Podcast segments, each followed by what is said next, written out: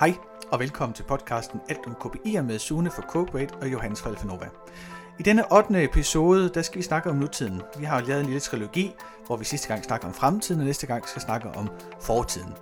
KPI'er og nutiden hænger sammen på et spøjs måde, fordi KPI'er hænger sammen med mål, men når man snakker om nutid, snakker man primært om drift, og drift og krav hænger mere sammen end drift og mål gør.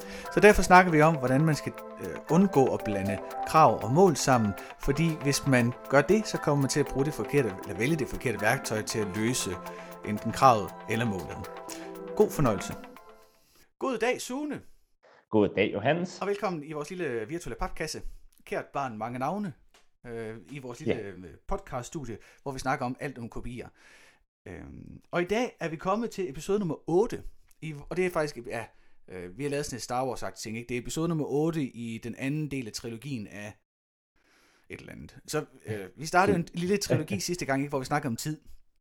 Og den her gang er vi så kommet til nutiden. Og sidste gang snakkede vi om fremtiden, og hvordan KPI'er og fremtid hænger sammen. For et fremtid og mål, det hænger, altså det passer jo fint sammen. Ikke mål, det er noget, man sætter sig i fremtiden. Det er noget, man gerne vil opnå ved at gøre noget derhen imod. Og det snakkede vi en masse om sidste gang med, med hvordan fremtid og kopier hænger sammen, og hvordan man kan bruge Scrum. Hvordan Scrum er et godt værktøj til at komme fra, altså komme hen til sit mål. Hvordan det er et godt proceshåndteringssystem. Ja.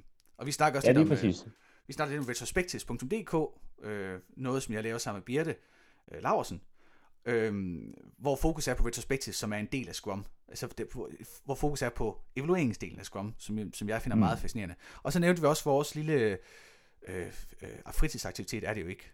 Men Scrum i skoven, hvor vi tager ud og, og giver introduktion til, til folk uden skov, hvad Scrum er for noget. Og øh, i dag skal vi så snakke om nutiden. Og ja.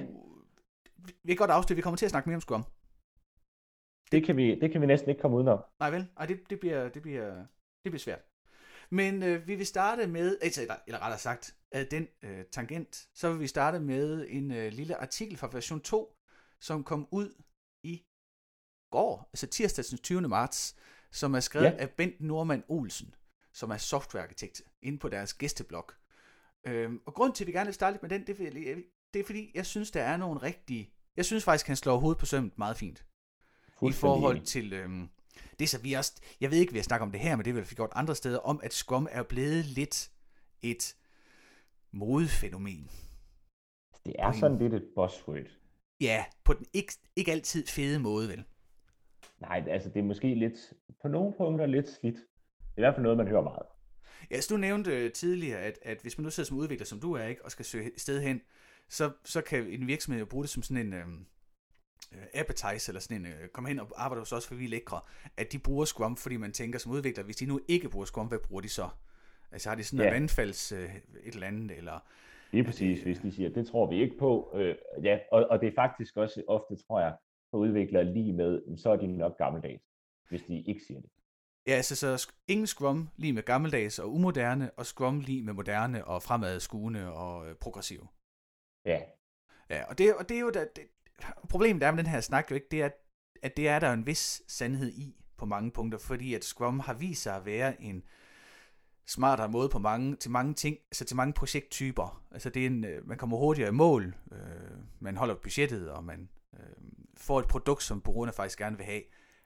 Men, og det er det, er det man kalder et, et relativt stort men, øh, udfordringen er så, at hvis man i virkeligheden ikke kører Scrum, men bare har taget nogle dele af det, at hvis man nu siger, at vi laver også tidsestimater, eller vi estimerer også for os, ja, se der faldt jeg i, i fælden allerede som spæd.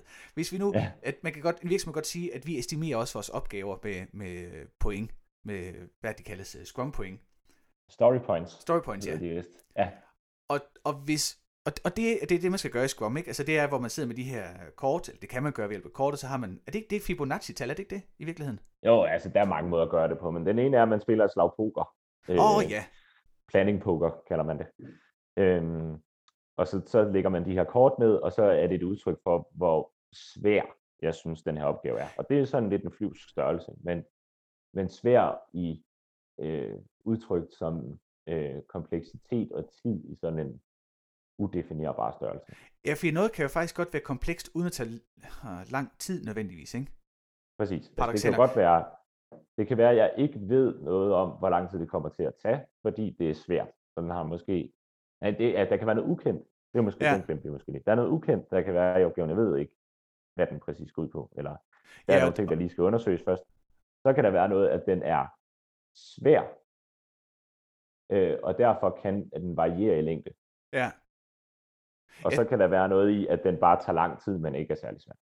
Ja, så det er sådan en skøn blanding, ikke? Man kan godt have, man kan godt have altså hvis story point, en opgave, der får en 20'er for eksempel, kan gå, både godt være fordi, at man bare ved, at det ikke er raketvidenskab, det tager bare lang tid på tasterne.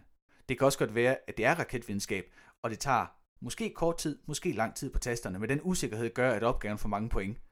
Fordi usikkerhed er noget, man er nødt til at honorere også, hvis man skal være sikker på at kunne levere Det er det. til tiden. Der ikke? kan jo gå, der kan jo gå lang tid med at finde ud af, hvad løsningen er. Ja, og hvis man er kan det heldig, kan det være er kort tid. Ja. men- Ja, Men ja, det, men man det, kan være heldig. Ja, så det er det, altså det er ikke, man begår det med sådan en kategorifejl ved at sige, at story points skal oversættes til timer, fordi der er ikke nogen relation mellem de to ting. Man kan godt, man kan Nej. godt bruge story points til at udlede sammen med andre faktorer til at udlede øh, timer. Hans pointe det er, at man skal bruge, hvis man har et udtryk, faktorer som baseline og velocity og capacity, altså forskellige faktorer, Mm. der beskriver, øh, hvor meget et team kan, kan nå i løbet af en sprint, så kan man godt oversætte story points til timer, men det er ikke point med story points. Story points, det er øh, det er netop for at fratage ja. det der time helvede, fordi vi som Det er mennesker også har en... fordi ofte som øh, vores forhold til tid er, ja, det, det bliver sådan lidt filosofisk størrelse, men, men vores forhold til tid er jo lidt sådan en, øh, hvad skal man sige, lidt angstprovokerende Ja, lige præcis. på nogle punkter, ikke? Fordi det så giver det et pres, at hvis du kommer og fortæller mig, at den skal tage tre timer, hvorfor tager den så tre og en halv? Ja. Eller, og, og bare øh, grundlæggende, vi kan ikke lide, at vi tager lang tid jo heller. Ja, og vi bliver meget uenige for, Ja. ja. omkring, hvor lang tid den så skal tage, fordi det ikke er relativt i forhold til det. Så for at, at lave en... Det er lige så meget for time, det er rigtig meget for times skyld, faktisk. Øh, så for at lave sådan en, når man så skal estimere de her opgaver, så, så laver man sådan en fælles abstraktion, som ingen har et forhold til. Ja. Ja, Øh, fordi det som giver, er ikke, det giver ikke mening, at man sidder og diskuterer, Ja. øh, tager den tre timer, tager den fire timer, fordi at det er, der er så meget usikkerhed forbundet med det alligevel. Øh, altså, Altid noget estimeringshalløj, det er en længere snak, men som udgangspunkt, så gør man ofte det, at man siger, nu finder vi en opgave, som er ret enkel, og så lægger vi en eller anden base, så siger vi, den kost, det, det kommer til at tage, eller den er tre point værd. Og så vurderer man opgaverne relativt i forhold til den. Ja, og det giver jo rigtig god mening, fordi vi som øh, mennesker vurderer ting relativt. Altså sådan ting som smager den her burger godt. I sig Mm. selv er det svært at sige, ikke? Og det er fedt med et begreb. Nu kan jeg slet en burger ind i ligningen. Men, men når vi sammenligner smag ting, vi godt kan lide, ikke, så er det altid også i forhold til noget. Jo, den er god, men den er ikke så god som, eller den er bedre end. Ja, Så, så i samme, Altså- og det er også et problem med, hvis man skal tidsestimere øh, øh, fornuftigt, ikke, så skal man jo have noget historik, så man kan sige, den her opgave tror jeg minder om den, og den vurderede vi til, til så mange point, og det holdt nogenlunde, så måske skal vi justere, eller også skal vi fastholde. Præcis. Så der er noget. Og hans, men, men øh, uden det skal blive en meget lang, lang snak, så er hans pointe, ja. Ja. at, at der er rigtig mange virksomheder, som øh, skærer nogle fundamentale dele af Scrum fra. Og det er nogle af de dele, som kommer fra det agi- agile manifest, som ligger under Scrum. Det er en, altså, et agile manifest er en spændende læsning, og det er sådan, det, som manifest er sådan dejligt ukonkret, men der er en masse øh, retningslinjer og regler for, hvordan man skal opføre sig. Ikke? Og noget af det, som, som jeg i hvert fald har fokuseret på, det er øh, tillidsaspektet, at, man, at der skal være en gensidig tillid mellem ledelse og team, for at det fungerer, og der skal være noget, at teamet skal være selvkørende. Øh, og Ja, hans, meget præcis. og Altså, hans- altså, inden man giver sig i kast med at snakke om, øh, eller at læse op på Agile Manifest, så skal det måske lige være en fair warning, at den, den er rimelig teknisk. ja, men der står, det er sådan en fin øh, hyggelæsning, hvis man øh, er, lider af søvnløshed. Øh, Ja. Og hans pointe er så, at, at nogle gange, så er der nogle virksomheder, som tager nogle af de her essentielle dele væk fra Scrum. Øh, så man for eksempel insisterer på, at når man, man ikke på story points, men man skal tidsregistre, altså tidsestimere i rigtige timer, eller Ja, øh, at, at man ikke har alle kompetencerne i teamet, så at teamet alligevel skal stå og vente på et andet team for at kunne komme videre med opgaverne. Altså der er nogle, der er nogle grundlæggende ting, som man ikke må tage ud af Scrum, hvis man gerne vil køre, hvis man har, altså hvis det skal give mening. ja, Og- Og så er der ligesom, der er to veje at gå, ikke? Altså enten så kan man, øh, det er også fordi det her det her modeord, så der er ikke nogen, der har lyst til at sige, ej vi kører ikke Scrum, men vi kører retrospective for eksempel, eller vi kører retrospective og daily stand-up, eller vi kører daily stand-up og grooming for eksempel, ikke? Altså man vil gerne ligesom kunne sige, at man gør det hele. Og det mudrer Meget. vandene meget, for der er, ikke noget, der er ikke nogen fidus, som jeg ser det i hvert fald, og det er også det, vi har snakket om, når vi har holdt det her Scrum i skoven for folk, hmm. øh, hvor vi giver en instruktion til det. Det er jo ikke livsnødvendigt eller succes, altså det er ikke succes øh, kræv, hvad hedder det, det er ikke krævet for succes, at man kører det hele. Der kan være fordel Nej, ved at starte det- med det hele og skælde ned, og der kan være fordel ved at starte med det små og skælde, skalere op. Og der er heller ikke nogen, øh, hvad skal man sige, der er ikke nogen pointe i at prøve at sige, at man har Scrum, når man ikke har det. Nej, det bliver sådan falsk, ja, det bliver Altså, sådan ligegyldig ikke- falsk markedsføring. Præcis. Man kan sagtens køre med mange optagelse. fine projekter på andre former. Ja, bare det, der Altså, findes uh, Kanban, og der findes uh, Lean, og der, Der findes findes... tusind andre. Åh, XP for eksempel er også Ja. en. Øh, der findes en masse andre, som man bruger, inden, som nogen bruger inden for programmeringsverdenen. Og det findes også, Kanban kender man måske fra produktionsverdenen, øh, hvis man har vandret rundt der. Øhm, som, som også kan overføres til, til andre projekttyper. Så der Altså- findes mange måder at gøre det på. Ja, og vores pointe er bare, at, at det at, altså, at, give det stemplet Scrum er ikke nødvendigvis kvalitetsstempel. Og det er lidt en skam, og det er også lidt sådan, øh, øh, ikke særlig konstruktivt for snakken og for debatten i IT-verdenen, og hvad, hvordan man skal lave projekter, at, at man skal køre Scrum. Altså man kan ikke, der er ikke noget præcis i at køre dele af det. Altså, og det, det giver ikke, det, det har han fuldstændig ret i, ham med Gutnik, at det giver ikke, det giver ikke mening. Og specielt, når det kommer op på sådan et ledelsesniveau, hvor ledelsen gerne vil have, at man kører Scrum, men så vrider processen ned i en kasse. Øh, Ledelsen vil gerne kunne sige, at man kører Scrum, ja, men har måske egentlig ikke rigtig lyst til at køre Scrum. ja. Og det er, Som i sin yderste konsekvens. Altså, ja, og det jeg kan se som psykolog i hvert fald, det er, hvis man, hvis man, hvis man kører retrospectives, hvor man jo evaluerer, hvor man øh, sætter lys på de ting. Hvor det, ja, det Birte og jeg har oplevet, når vi har ude og holde de her retrospectives, øh, det er, at ting, de steder i processen, hvor ting går i stå, eller hvor, øh, mm, altså hvor det går galt, at de bliver meget, meget tydeligt. De bliver trukket frem, og de bliver synligt. Og, Ja. ja. og øh, altså, hvis man skal behandle noget, så er det klart, at, at erkendelse er første vej, er første skridt på vejen. Ikke? Altså, det er nødvendigt, at det bliver synligt, før man kan gøre noget ved det. Men problemet ved det er synligt, det er også, det er ligesom at tage en sårskorpe og rive af. Altså, det, Ja. der kommer, det går naller. Og altså, det gode ved en sårskorpe, det er, at den beskytter. Det kan godt være, at den ikke er perfekt og glat, og øh, ikke så smidig som hud er, men den beskytter. Og når man river den af, så gør det naller. Og udfordringen er så, hvis man kommer ud i en virksomhed, som siger, at vi kører Scrum, og det i virkeligheden er ledelsen, der har påduttet det, og, og ledelsen laver sådan nogle øh, øh, fejlgreb, eller sådan nogle, det bliver, altså, nogle tvangsgreb på processen, Ja. så kan det blive dysfunktionelt, fordi at man i virkeligheden, øh, Scrum gør det, den er god, Scrum gør det, som Scrum er godt til at gøre, nemlig sætter fokus på de ting, hvor det ikke kører, men de ting, der ikke kører det, så det er, hvad ledelsen har bestemt, og så kommer man i sådan et clash med ledelsen, og så bliver det noget Jeg tror måske en ting, man skal huske, øh, når man snakker om Scrum, det er jo netop, det, at, at Scrum er en systematisering af nogle arbejdsprocesser. Ja. Men Scrum i sig selv er ikke et eller andet vidundermiddel, eller øh, det, det, det fikser ikke i sig selv noget. Ej, det, skal Det- være, det- det, det, Det er 100% baseret på udførsel. Ja, det er et værktøj. Altså, altså ligesom Ja. hvis man har verdens bedste hammer, den er ikke god til at save med, uanset hvor god Nej. en hammer det er. Altså, det giver ikke, altså, der skal være opbakning. Den er heller ikke god til at hamre med, hvis du ikke kan finde ud af at hamre. Ja, præcis. Altså- Altså, ja, altså det, kræver, det kræver det hele jo. Ja, Og jeg, siger, jeg slukker lige min mail, så de ikke står og siger bling. Nå, men det var, det var det, vi tænkte, vi ville starte med, for vi synes, at øh, d- hans indspark, synes jeg i hvert fald, er et fint, øh, er et fint og nødvendigt indspark i den her Scrum-debat og Scrum-snak. Ikke? Altså, det, Jo. Scrum skal både frem i bussen og bruges mange flere steder og bruges som værktøj, for det er et skide godt værktøj. Omvendt, så skal vi også øh, have respekten for værktøjet, og så insistere på, at, at vi kan ikke, at Scrum kræver opbakning fra ledelsen og fra medarbejdere. Altså det, øh, det går begge veje. Og øh, med den øh, relativt lange indledning, så øh, har vi sådan en lille, eller jeg har en lille krølle over i det, vi skal snakke mere om det her nu-begreb, og i forhold hvordan det hænger sammen med KPI'er. Mm.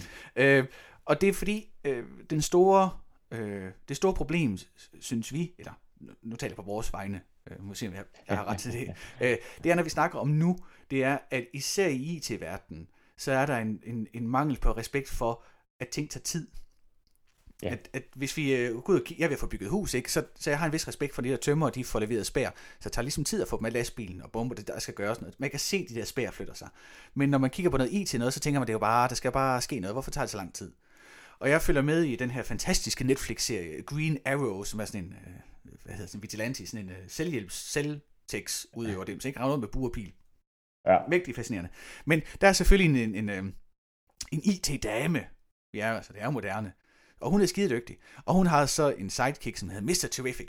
Og så på et tidspunkt kommer John Diggle ind, som er sådan et stort muskelbund. Det kan han gå ind og sige, åh, har I ikke snart fundet ham? De leder efter en skurk. Øh, jeg ved ikke engang så lang tid, og det har de ikke. Og så siger hende Felicity, altså vi, er lige, altså, vi arbejder stadig, maskinerne de står der og kører, ikke? Du ved, som det gør i sådan nogle serier, så er der ting på skærmene der.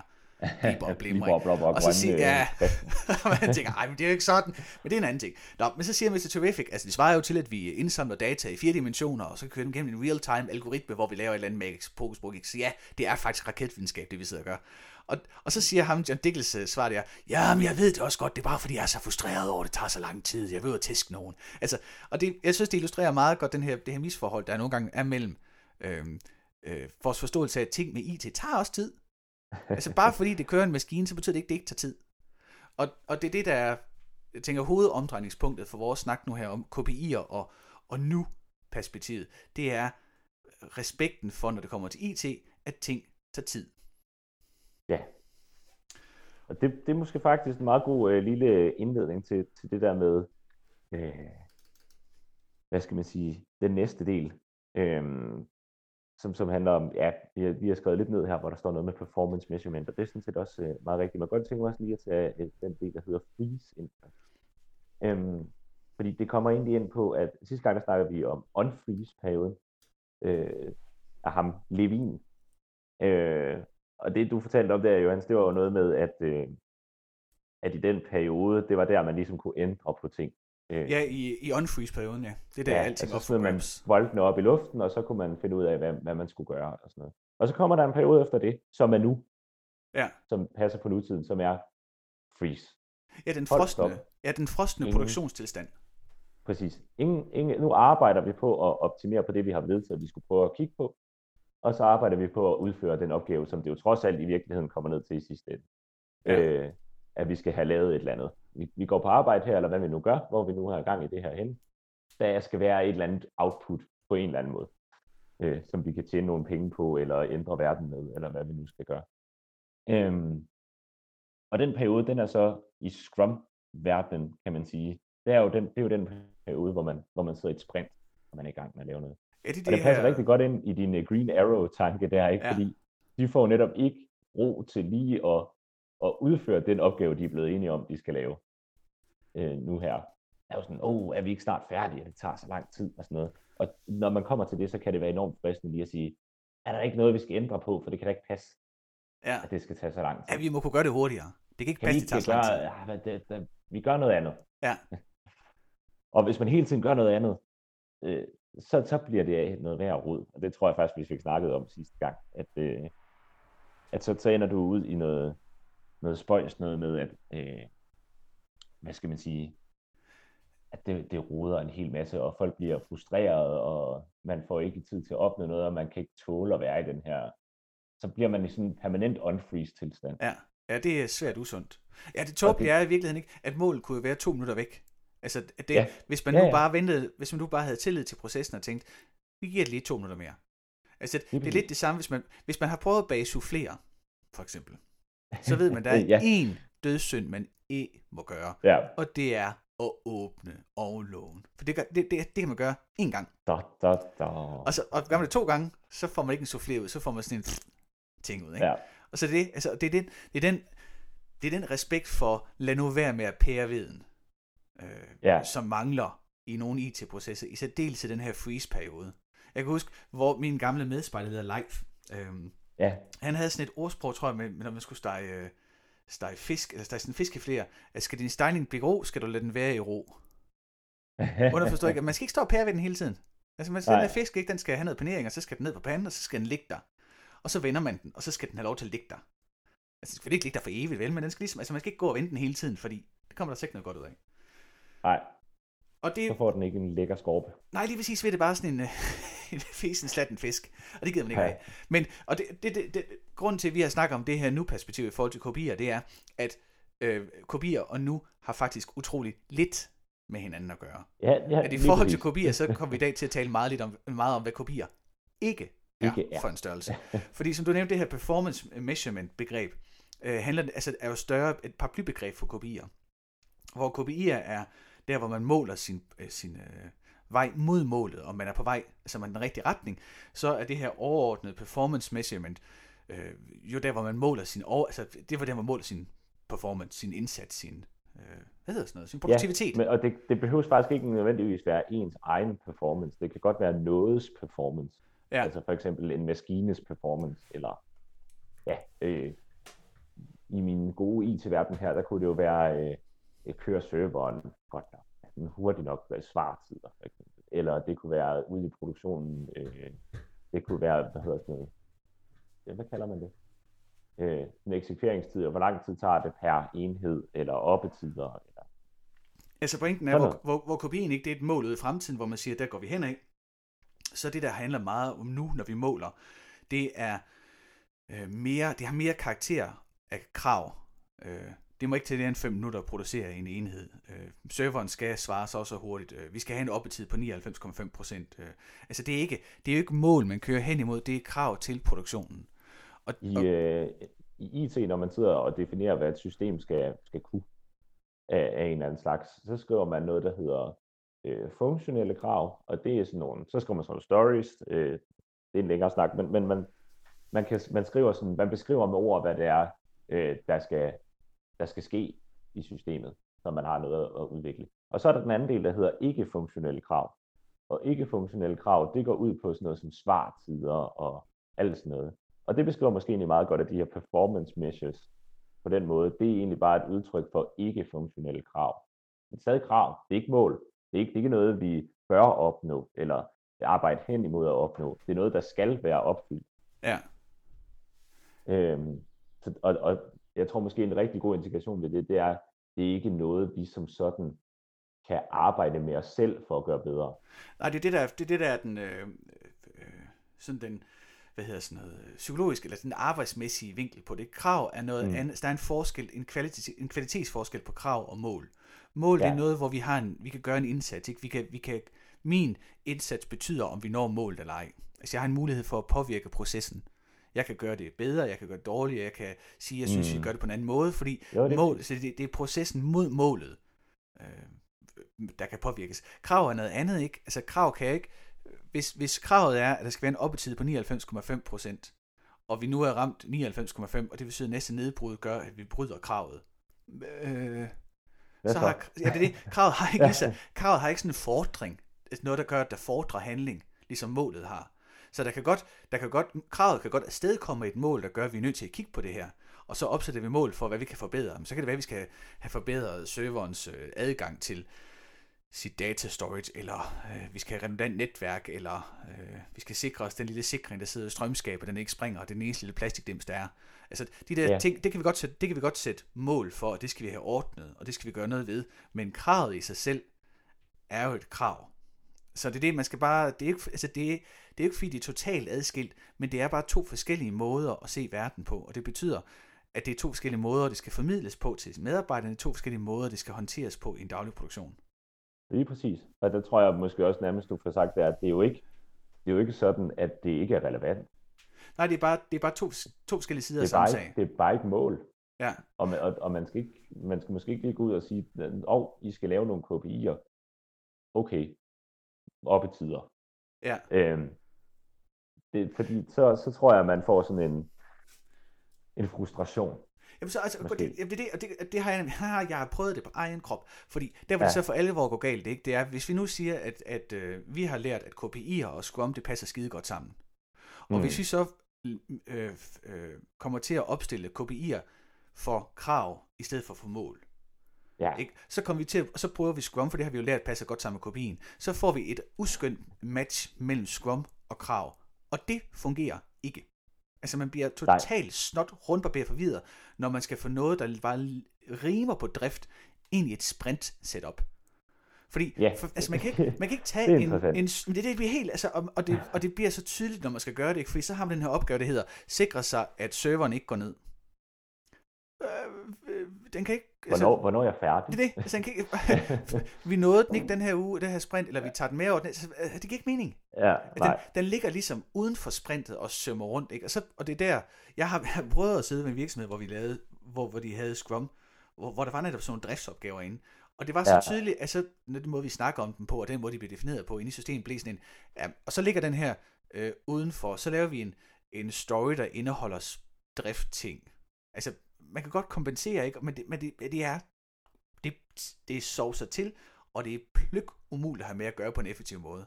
Og det er der, at Kanban er pisse smart, ikke? Fordi Kanban, det er, det er øh, meget rare til drift. Fordi der var en liste af opgaver. Det er smart til drift, det er så, lavet til drift. Det er det, at så putter man det ind, og det, når serveren er gået ned, ikke, så putter man ind i to-do, mm. og så put over i done så hurtigt som muligt. Uden at det skal ind i en sprint, og det skal groomes og reviews, og der skal det bare løses.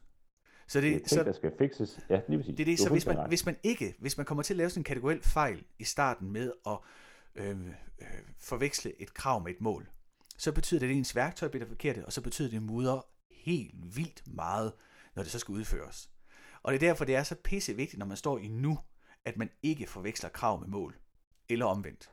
Altså, hvis jeg, man... havde, øh, jeg har faktisk også et tilsvarende eksempel fra, øh, fra vores egen virksomhed, Cobrate, øh, hvor vi, vi prøvede til at starte fordi vi var så glade for Scrum. Vi synes, det var rigtig dejligt, og, og vi sad og udviklede, og vi skulle, men vi havde, altså, vi kørte sådan en opstartsfase, så vi skulle ligesom have, der var mange forskellige typer opgaver, der skulle løses. Ja. Øh, altså, der skulle udvikles noget, og der skulle ligesom, øh, der skulle tages hånd om noget salgsarbejde, og noget marketing, og budgetter, og jeg skal komme efter. En masse ting og sager. Så det prøvede vi alle sammen at mudre ind i sådan en scrum-proces. Øhm, og det, der virkelig kunne ses der, der var klart og tydeligt, det var for eksempel, er du i gang med at lave opsøgende salg et eller andet sted? Ja. Jamen, det kan det ikke sige noget om, om det kan være en eller to opsøgende salg i det her sprint. Det kommer an på, hvornår de svarer og hvad de svarer. Ja, lige præcis. Lige præcis. Altså, ja, og det, det, kan, det kan tage, de lægger os på køl i tre uger, og så kommer de tilbage igen. Ja, og det er jo øh, nogle negative ting, at, man, at den kunde ikke, det passer bare ikke. Det er det, at kunden er, ja. altså, for det bliver, det, bliver, det bliver sådan en helt mudret måde, så sidder man på sit retrospective og siger, øh, det er for dårligt, der var fire opsøgende salg, som er blevet født til næste sprint. Ja, men kunden er på ferie. Altså, det, det, altså... Ja, altså jeg skulle have kontaktet fire kunder. Jo, det er også rigtigt, men ja. vi fik jo gennemført en halv med en af dem, som vi var nødt til at reagere altså, på. Og så ja. var der ingen mening i at opsøge de andre. Nej, så, det, så det, det, altså, der, så... der er bare nogle processer, der fungerer rigtig godt med det, med Scrum. Og så er der bare mm. nogen, hvor de går. Og problemet er, at man kan først for alvor se det, når man, når man gør det. Altså det er i udførelsen, at det går galt. Det er, når man står med sin hammer og et bræt, der skal sættes over, at man kan se, det her, det bliver sgu aldrig helt godt. Ja, det er jo det. Man kan godt forsøge sig, og det er jo også fordi, det kan jo være lidt svært at vide, ja. mindre man har erfaring med den type opgaver, man skal lave. Ja. Øh, om det giver mening at putte dem ind i sådan et framework. Ja, og så øh, jeg tror, det er der, fordi øh, der kommer, når man IT, så er der, altså, det glæden ved, ved fysiske objekter, ikke, det er, at man kan kigge på sit bræt, og man kan kigge på sin hammer, og så kan man bruge sin øh, dagligdags referenceramme, og så kan man se, det her, det bliver ikke godt. Mm. Men, men når der kommer IT ind i magien, så er det, der er bare mange processer for os, som er, øh, uforståelige, eller ugennemsigtige, eller svære at håndtere, altså svære at rumme i hovedet. Og, ja. og, og altså, jeg var med min kone ned og købe pas forleden dag, fordi vi skal til Uganda sammen med, sammen med dig faktisk. Det bliver så hyggeligt. Ja, altså, også, også andre. Vi skal med vores spejdergruppe ned til Uganda og lave... Det, det er en anden... Øh, det kan man godt se ind på mercyscouts.org, eller på Lystrup Gruppes øh, hjemmeside. Det er skidespændende. Vi skal ned og lave stødhæver der, og øh, elhegn til grise. Og det var en god cliffhanger ellers. Nå, øh, men, men vi går så ned på borgerkontoret ikke for at få lavet pas. Og jeg, jeg er så gammel, så jeg kan huske, dengang jeg var barn, så når jeg skulle ned og have lavet pas, så var det jo sådan en dags øh, ting. Ikke? Altså, først så skulle jeg op til en fotohandler, og havde taget et billede, så skulle jeg have min dåbsattest med, og så skulle man have, og så skulle man ned og stille sig i kø, og så tog man nummer ved politiet, og så tog det mellem øh, ingen tid og 6 timer. Og man vidste ikke, hvor lang tid. Altså, der var ikke noget nummersystem, der sagde, at du kan nu forvente, mm. at der... Så det var bare, man gik ind og tog et nummer, og så er det bare tof nugi. Og så kom op til skranken, og så skulle man udfylde 17.000. Sådan lidt asterix Du skal bruge formular 717. Og, og, og så tog det så 3 til fire uger, eller sådan noget, før man fik sit pas med posten, eller man kan ned og hente det. Og pointen er, at dengang var der ligesom et, et, en, øh, en relation mellem alt det der forarbejde og mm. den der lange udførsel. Altså, det gør også mening, at det tog lang tid at producere det der skide pas.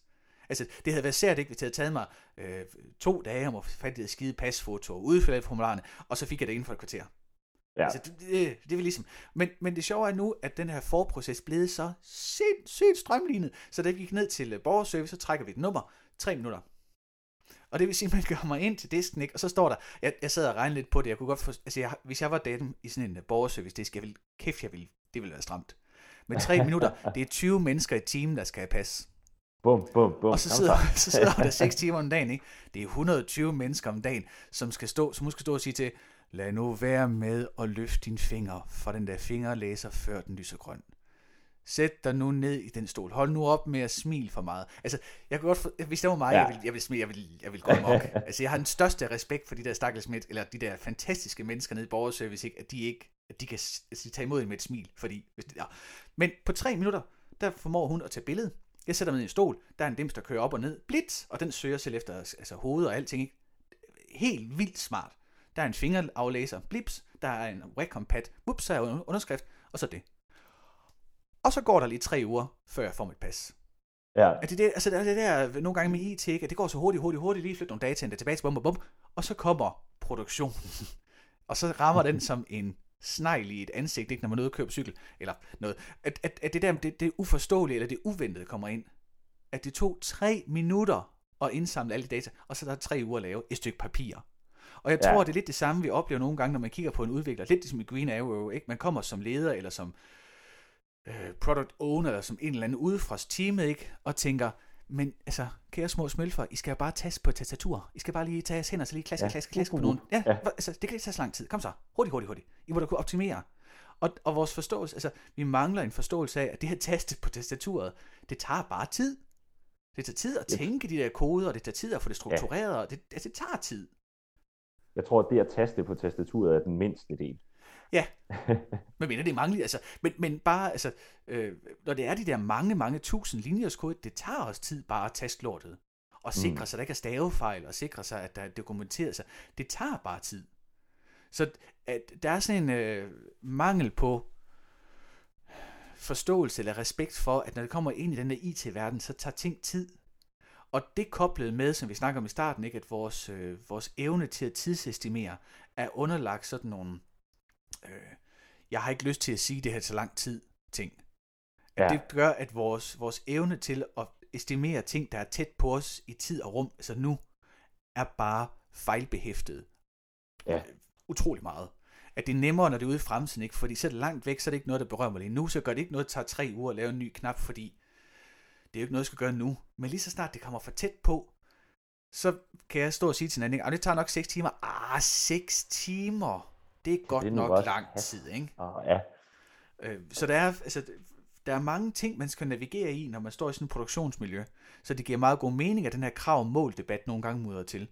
Men ja. man er nødt til at tage, jeg tror, den her, de her to blokke, vi nu har snakket om, krav-mål, og nu her om tid, at det fører sammen til sådan en fin, det fører hen til sådan en fin syntese, der hedder, at når man implementerer ting, når man skal tage beslutninger, når man skal gøre noget andet i særdeleshed, end man er vant til at gøre, så skal man have respekten for, at det tager tid. Det tager tid at indføre nye arbejdsgange. Ja. Det tager tid for at lave beslutninger om, er det et krav, er det et mål, hvordan skal kravet se ud, hvordan skal målet se ud, hvordan, hvad for et værktøj skal vi bruge. At de beslutningsprocesser tager tid, og hvis man forhaster dem og forjager dem, så går det ikke bedre. I hvert fald. Ja, lige præcis. Altså, det, det tager nemlig tid, ja, og hvis man afslutter dem, inden de er færdige. Ja. Øh, sådan set. Jævnfører souffléen, at man, skal, ja. man er nødt til at lade den bage færdig. Man er nødt til, og så, og så når den er bagt færdig, og hvis den så ikke har hævet sig som forventet, ikke, så må man prøve igen. I stedet for at stå og åbne og lukke hele, hele tiden undervejs. Det er præcis. Var det, ikke, det, er også, altså det er også en af de fine øh, pointer i det agile manifest, den her iterative tilgang. At vi gør ting igen. Øh, ikke med henblik på at fejle, men det at fejle er en naturlig del af det. Og det, det vil vi gøre. Det er at optimere og prøve af og, og være til. Altså. Ja, lige præcis. Altså, det, vi, kan ikke, vi kan ikke producere noget så komplekst. Vi kan ikke producere, det er meget få ting, vi ikke kan producere, uden at vi går og retter til hele tiden. Øh, og det mængden af, af, eller, jo, mængden af, af tilretninger, der er nødvendige, afhænger jo i høj grad af, hvor gode vi er til at gøre det, vi gør. Men mm. de vil stadig være der.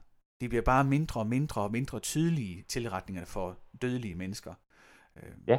Og, og det, det der smukke fokus ved det, det iterative, det er, at når vi nu laver en opskrift i vores unfreeze-periode, så fryser vi opskriften, vi freezer vores periode, vi producerer souffléen, vi lader den bage færdig, og så unfreezer vi igen. Og hvis den ikke er hævet, så hvis den ikke smager godt nok, hvis konsistensen er falsk, så ændrer, så unfreezer vi opskriften, retter til og prøver igen. I stedet for, at vi står... Ikke. Ja, hvis man laver, du har fuldstændig ret, fordi hvis man laver, øh, hvis du sidder og laver eksperimenter, øh, lad os sige, du er en stor fysiker, og du skal lave et eller andet, og du har aldrig gjort det før, nogensinde. Ja. Så sidder du og laver en hel masse dudli, dudli, dud. og så finder du ud af, at det virker ikke, som det skal. Så kan du gå til den med flere, øh, på flere punkter. Du kan sige, Nå, fint ud med det samme, og så øh, prøver vi noget andet. Nyt, nyt, Ja. nyt. Øh, eller også så kan du gå til den og sige, okay, fint nok. Det kunne være de her, de her, de her og de her ting, vi skal gøre noget ved. Ja. Nu prøver vi lige med den her, og så ser vi, hvad det har for en effekt. Ja. Vi prøver ikke dem alle sammen på en gang, Altså, fordi vi, så kan vi ikke vide, om det virkede ikke igen, okay. Hvad for nogle af de fem ting, vi prøvede af nu, var det så, der ikke fungerede? ja, lige præcis. Vi, vi, vi skifter et Øhm. parameter ad gangen. Lige præcis, vi justerer bare en, og det samme gælder processer. Altså, Ja. Det er også bare en parameter, vi kigger på, ikke for mange gange i hvert fald. Øh, og så siger vi godt, nu prøver vi at dreje på den. Vi prøver lige at putte lidt mere sukker i vores suppe. Okay. Ja, for det sker ikke nemlig, at det. er det, altså, at, at, at når vi kender processen, så kan vi... Ja. Øh, jeg havde engang, jeg kan huske Claus, min, min, min øh, vejleder på universitetet, han øh, fortalte om... Øh, ej, jeg kan ikke huske. Jeg, jeg har en, øh, en varm legan med at tilskrive ham alle kloge ting, der bliver sagt. Men det er fordi, han siger så utrolig mange kloge ting, så når jeg tænker, jeg har lært det på uni, jeg kan ikke huske hvor, så er det formentlig Claus, der har fortalt det. Men da jeg læste i hvert fald, så kan jeg huske, at vi læste om øh, skakmestre. Og hvad forskellen mm. er på en skakmester og på sådan en dødelig øh, idiot som mig, der ikke kan finde noget skak overhovedet. Og øh, der er to pointer. Den ene det er, at det tager faktisk 10 år at blive en skakmester. Og det sker Ja. med det her 10-års perspektiv, det er, at, at øh, man har sådan et mesterlærer koncept, som er blevet mere Mm. moderne igen, altså det er det samme som at stå lærer som elektriker eller som grafiker eller sådan noget, ikke? At øh, der er sådan en gylden regel, der hedder, det tager faktisk cirka 10 år at mestre et fag, som man er ekspert.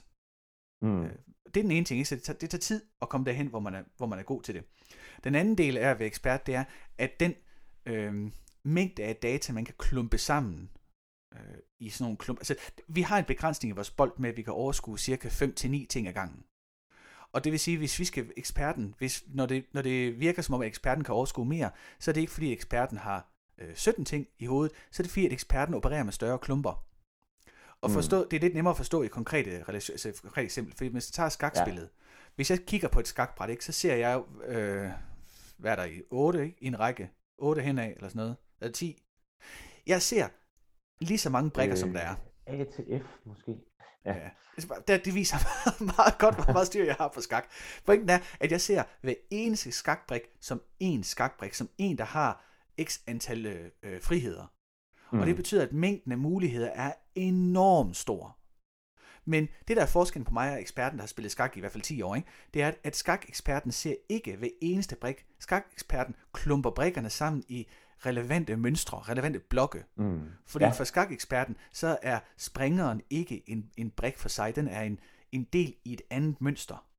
Ja. Og det betyder, at vedkommende sådan set har øh, måske bare 5-9 mønstre, men hvert mønster er større end mine mønstre. Mine mønstre, det er sådan en brik. Mm. Hans mønster er måske øh, 10 brikker, 5 brikker, 7 brikker. Så, så mængden af ting, vi har i hovedet, er ikke mere, det er bare størrelsen af, af det, vi har i hovedet, der, der varierer. Og ja. Med i henblik med soufflé-teknik, så betyder det, at hvis man nu er vant til at bage, så er der ikke noget problem i at justere både på øh, salt og sukker på samme tid. Nej. Fordi man ved godt, at den ene søder og den anden ikke? så man ved godt, hvad relationen er. Man kan godt overskue og ændre på flere faktorer på samme tid, fordi man ved, man har et indgående kendskab til den faktor, man ændrer på. Ja. Så ja, man kan godt-. Man kan godt både, hvis man nu har en soufflé, hvor man synes, synes den mangler mere salt, mere smag for eksempel, ikke? så kan man både godt komme bacon i, og så ved man også godt, om det, der er også noget salt der, så jeg skal ikke bare både komme super meget mere salt i, og soja og bacon, for så bliver den alt for salt. Ikke? Jeg kan godt forstå, at de Mm. her også har en indbyrdes relation. Og det er det, jeg kan, når jeg har en, en erfaring med at bage og lave mad. Men hvis jeg ikke har den, så er jeg nødt til at have respekten for at ændre jen parametre ad gangen. Og det betyder også, at IT-folk og programmører jo godt kan formentlig ændre flere parametre, hvis man gerne vil optimere noget. Altså en super netværkshej kan både godt optimere øh, kablerne, som man bruger, så man opgraderer sin anden kategori, så der kan komme mere data igennem. Man kan også godt opgradere switchen, man kan også godt sætte noget øh, smartere routing ind på samme tid, fordi man godt kan overskue effekten af de forskellige parametre og deres Mm. indbyrdes relation. Men hvis jeg kommer som novice, ikke, så er jeg nødt til at starte med en ting gangen. Og det, ja, præcis. Og det er måske der, at, man fejler lidt, hvis man indfører en proces som Scrum for eksempel. Er, at man har ikke respekten for, at man ikke har gjort det før. Ja, til at starte med, ikke? og så, så øh, retter man på alle Mm. parametre. Det, det kører ikke som forventet. Øh, folk får ikke flyttet øh, Ja, opgaverne ind i. Scrum. Ikke? Og så laver vi det hele om. Det må fordi, at øh, altså, man er nødt til at ændre en ting engang. For det kan, vi havde for eksempel et, øh, en Scrum i skoven seance med nogle folk fra Silkeborg. Ja. Øh, kommune, Silkeborg, deres IT-afdeling, der er en projektlederafdeling, hvor vi kunne, altså vi, Scrum i skoven er jo som fortalt ikke, det er sådan en nedskaleret, simpel udgave af Scrum. og vi havde forsøgt at tage sådan de mest, øh, hvad skal, ikke ikoniske, men de mest... Øh, øh, de vigtigste bidder ja, måske. Ja, de vigtigste bidder ud. Jeg så fremhæve dem mm. mere end andre. Ikke? Så vi havde vores to-do og doing og done øh, plakater, så vores scrum board hængende, hvor de så skulle flytte nogle, øh, hvad hedder sådan, nogle, nogle øh, post-its på. Og det ja. kan vi se, det gjorde de ikke. Øh, og så, så kan vi jo godt stå der og vurdere, hvad skal vi så gøre? Skal vi så øh, skal vi flytte den tættere på? Skal vi, altså, der er mange ting, vi kunne gøre for at, øh, for at forbedre det. Øh, og pointen var bare, at i stedet for at gøre alting på en gang, så kunne vi jo starte med at gøre én ting gang. Vi kunne starte med at sige, øh, vi, vi tilfører flere opgaver, så det bliver nødvendigt for dem at referere til deres scrumboard, mm. fordi de kan ikke bevare overblik ellers. Eller vi kan indføre daily stand-up, fordi så bliver de tvunget til at kigge på det. Altså, vi er nødt til at gøre én ting ad gangen, for ligesom at få dem til at gøre det, vi gerne vil have, de skulle gøre. Vi kunne ja. ikke bare gøre 17 ting, fordi så ville både vi blive forvirret, og de ville blive forvirret. Så jeg tror, det er det, der, der, der går galt i særdeleshed, når man indfører nye ting. Øh, det er respekten for, det, altså man er nødt til, det tager tid at indføre firmaet, man kan kun ændre et parameter ad gangen. Både mm, hensyn til ja. sig selv som ledelse, eller også som hen, hensyn til medarbejderne, de også skal kunne følge med. Ja, det er præcis. Ja, det var jo faktisk en, øh, en meget lang, en lang fin snak om, hvad kopier ikke er. Men, øh, det, men det betyder ikke, at man ikke godt kan måle på sin produktion. Altså det betyder ikke, at man ikke godt kan bruge IT-værktøjer til at sikre sig, at sin produktion overholder de krav, understreget krav, øh, som man opstiller. Øh, der er der masser af værktøjer til at gøre. Øh, man kan... Jeg tror, der, der er sådan en lille afsluttende pointe nærmest på den del der, som vi har skrevet ned i hvert fald her, der hedder, at, øh, at når man snakker om krav på den måde, så, og den måde at, at monitorere på, så er det primært til visning. Altså du opsamler ja. en eller anden, du, du, du ser bare på, hvordan det står til nu. Du måler temperaturen, og så tjekker du, at den, er, øh, at den ligger inden for det her spektrum. Og det gør du så en gang imellem. Du Jamen, kan så også ja. koble noget dataopsamling på. Altså det vil sige, at du laver noget historik. Og i det øjeblik, du laver historik, så kan du måske godt begynde at kigge lidt mere på mål. Altså så kan du begynde at snakke lidt om, øh, okay, vi kan godt kigge på udviklingen i den her maskines produktionstider, øh, eller øh, oppetider over tid, og så sige, okay, kan vi gøre noget ved det. Ja, men, så, øh, men det der, det er vigtigt ikke at holde det øh, skidt og kanel for sig, ikke? fordi vi kan, vi kan opstille et krav, når vi har data, altså øh, data og datavisning gør, at vi kan se, om vi overfylder vores krav lige nu. Og med datahistorik kan vi se, om vi har opfyldt vores krav tilbage i tiden. Og hvis det ikke er tilfredsstillende, så kan vi opstille mål for, hvordan vi forbedrer, altså hvordan vi kommer tættere på vores krav. Så målene er det, vi i gang sætter for at forbedre øh, de elementer af processen, som gør, at vi ikke lever op til de krav. Præcis. Så målene bliver sådan, brut, de kommer sådan lige skudt ud, og så afsted igen. Ikke? Og så er det ja. noget, der, der har et start og et sluttidspunkt. Det er sådan lidt ja. et projekt, vi i gang sætter. Det er også vigtigt. Man skal blive færdig med det på et tidspunkt.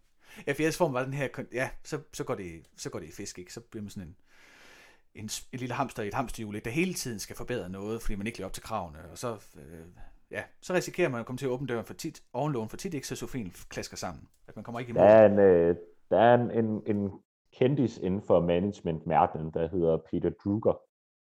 Og han er, øh, han er ophavsmand til det, der hedder SMART Goals, eller smart mål, eller smart øh, område, og han kalder det objectives i hans øh. Men, men, øh, og det handler lige præcis om det her. Altså sådan noget med mål, jamen okay, de skal være specifikke og målbare, og de skal være attraktive, og de skal være tidsbestemte. Og, øh, og realistiske. Og, øh, og det, det ligger der ligesom i det. Og det, det understøtter måske meget godt det, vi skal over sige lige nu. Altså at ja. øh, der skal være en afslutning på det, og det skal selvfølgelig være noget, man kan opnå. Der er ikke meget fidus i at sætte sig uopstigelige mål. Øh, fordi det når man ikke. Og, og så mister man al motivation for at gøre det, ja. hvis man ikke tror på det. Øh, og det samme skal det være noget, som man synes giver mening. Man kan godt begynde at forbedre for noget, men hvis man ikke har nogen grund til at gøre det, øh, eller ikke føler nogen motivation for at gøre det, så, så kommer det ikke til at ske. Altså, så, så bliver det ikke bedre overhovedet. Nå, det var sådan en lille krølle, den kan vi altid snakke mere om en anden gang. Ja, det er i hvert fald en, øh, når man skal opstille sine mål, så er der i hvert fald nogle værktøjer, man kan bruge for at få opstillet sine mål på en fornuftig måde. Lige man, men man skal, starte, man skal starte med netop at differentiere mellem, er det et krav, eller er det et mål. Fordi det, det kommer til at betyde øh, meget for, hvordan man forstår processen. Fedt. Lige præcis. Det var, øh, det tror jeg, det var det, vi havde at sige i dag om, øh, om hvordan KPI, altså hvordan tidsperspektivet nu hænger sammen, eller hvordan tidsperspektivet nu ikke hænger sammen med kopier. ja, nemlig. Og det er jo, nogle gange er det lige så vigtigt at vide, hvordan tingene ikke hænger sammen, som hvordan tingene faktisk hænger sammen. Ja. Så man ikke kommer til at lave nogle, nogle, øh, nogle fejlkoblinger. Øh, og så næste gang, så skal vi jo krølle af på vores... Øh, krøllet af, kan man sige det? Nå, vi skal i hvert fald have afsluttet vores øh, trilogi om tid. Ja, det vil sige, for nu skal vi kigge på fortiden. Ja, vi skal give os en lille krølle på halen. Ja. ja. Og fortiden hænger sammen øh, med, i hvert fald inden for kopiverdenen, så er der en, en stor sammenhæng, øh, i hvert fald kulturelle, alle mulige årsager, mellem økonomi og bagudrettet. Ja. Øh, om, om, de, om, de to, ja, om de to ting nødvendigvis skal hænge sammen, det er det, vi så vil undersøge lidt næste gang, og hvordan... Øh, øh, snakke lidt også om, hvordan, hvordan det kan være, at økonomi og KPI'er hænger så meget sammen. Øh, altså jeg kan jo mærke på egen krop, da vi startede med at snakke om KPI'er for lang tid siden efterhånden, ikke? jeg kan også snak, mærke, når jeg snakker med andre om KPI'er, at der bliver sådan et, altså de, de, kobling til nøgletal og økonomi er meget stærk. Og det, ja. den vil vi snakke lidt om næste gang, hvordan man kan få den blødt lidt op, og hvorfor det ikke er. Altså, der er nogle historiske årsager til, at det hænger sådan sammen, og der er nogle, øh, hvad hedder sådan nogle, øh, nogle, øh, nogle, der er nogle ting, der gør, at det hænger sådan sammen, men der er bestemt også nogle ting, der, der taler for, at de ikke behøver at hænge så snævert sammen, hvis man skal bruge kopierne på ja, en anden måde. Og det, men det, det kommer der om næste gang. Og så kan vi måske allerede nu øh, også lige lave en lille øh, teaser for, hvad der skal ske efter, fordi vi har planer om at invitere folk med ind i vores lille papkasse. Så øh, ja, vi... gang, gang efter det bliver episode nummer 10, okay. så må det være. Ja, det er fuldstændig crazy. Så skal, så skal vi til at rydde op og alt muligt i vores øh, virtuelle rum. Eller, ja. ja. Men der, der arbejder vi på at få nogle med praktisk erfaring ind, øh, som jeg også kan fortælle om. Så det kan man gå og glæde sig til episode 10. Altså ikke den, der kommer efter påske, men den, der så kommer øh, gangen efter. Og så tænker jeg, som en lille sidste krølle på historien, øh, den aller sidste ting i dag, så kan jeg huske, for, for det som det her ekspert noget. Øh, for mange år siden efter i 2010, der var vi på spejderlejr oppe i Holstebro. Der var der sådan en øh, stor spejderlejr deroppe. Og der mm. lavede vi en lille version af Mini Aros. Eller ej, vi lavede ikke en lille version af Mini. Vi lavede en mini-version af Aros, kunstmuseet i Aarhus, i Rafter. Og der kan jeg huske, øh, der var sådan en tømmer, som skulle hjælpe os med at lave sådan en byggesæt af de her store grænstammer, som vi skulle bruge til at lave konstruktionen den måde, han ligesom var smeltet sammen med sin motorsav på, hvor han kunne lægge tingene op, og så lige kigge på det og save, og så sætte det bare klik, som var det Lego-klodser. Det er sådan noget, man, man kun kan gøre, når man har arbejdet med en motorsav og gjort noget i 10 år. Og jeg tror, hvis man skal, pointen med det, det er, at hvis man skal tage én ting med sig fra den her episode i dag, så er det respekten for, øh, at når folk har gjort noget i lang tid, så kan det se så forsvindende lejende lidt ud. Men det betyder ikke, det, er, det betyder ikke, at det er lejende lidt. Ja. Det betyder bare, at vedkommende er uhyggeligt god til at gøre de her ting. Det, der er grundpointen, det er, at når vi kommer til IT, så kan vi ikke se de der ting. Ikke? Så det er svært at visualisere det, der bliver gjort, fordi det er bare noget tekst på skærmen, og det er bare noget, at det er først, når det bliver omsat til et program, der kører, at vi kan se, hvor smart det er. Så hvis man sidder derude, og man er så heldig, at man har nogle øh, programmører ansat, eller man er leder for nogle programmører, så øh, giv dem lige et klap på skulderen og tænk, at hvis at det, de laver, det er faktisk tæt på magi at de tager noget tekstværk, og så har de ind i hovedet, og så får de til at lave nogle loops og nogle ting og sager. Og så får man noget, som faktisk kan gøre helt vildt mange smarte ting. Så åbn lågen til souffléen mindre, giv dem lidt ro, og så bliver det sjovere. Og det var, ja. det, det var det. Jeg sværger, så har jeg ikke mere for det. Sådan. cool, Sune. Øh, ja. vi, øh, der kommer lige noget påske, og så er vi tilbage igen efter påske med en ny udgave af Alt om kopier. Det gør der nemlig. Så må I have en god påske. Yes. Vi ses. ja. Hej. Ja.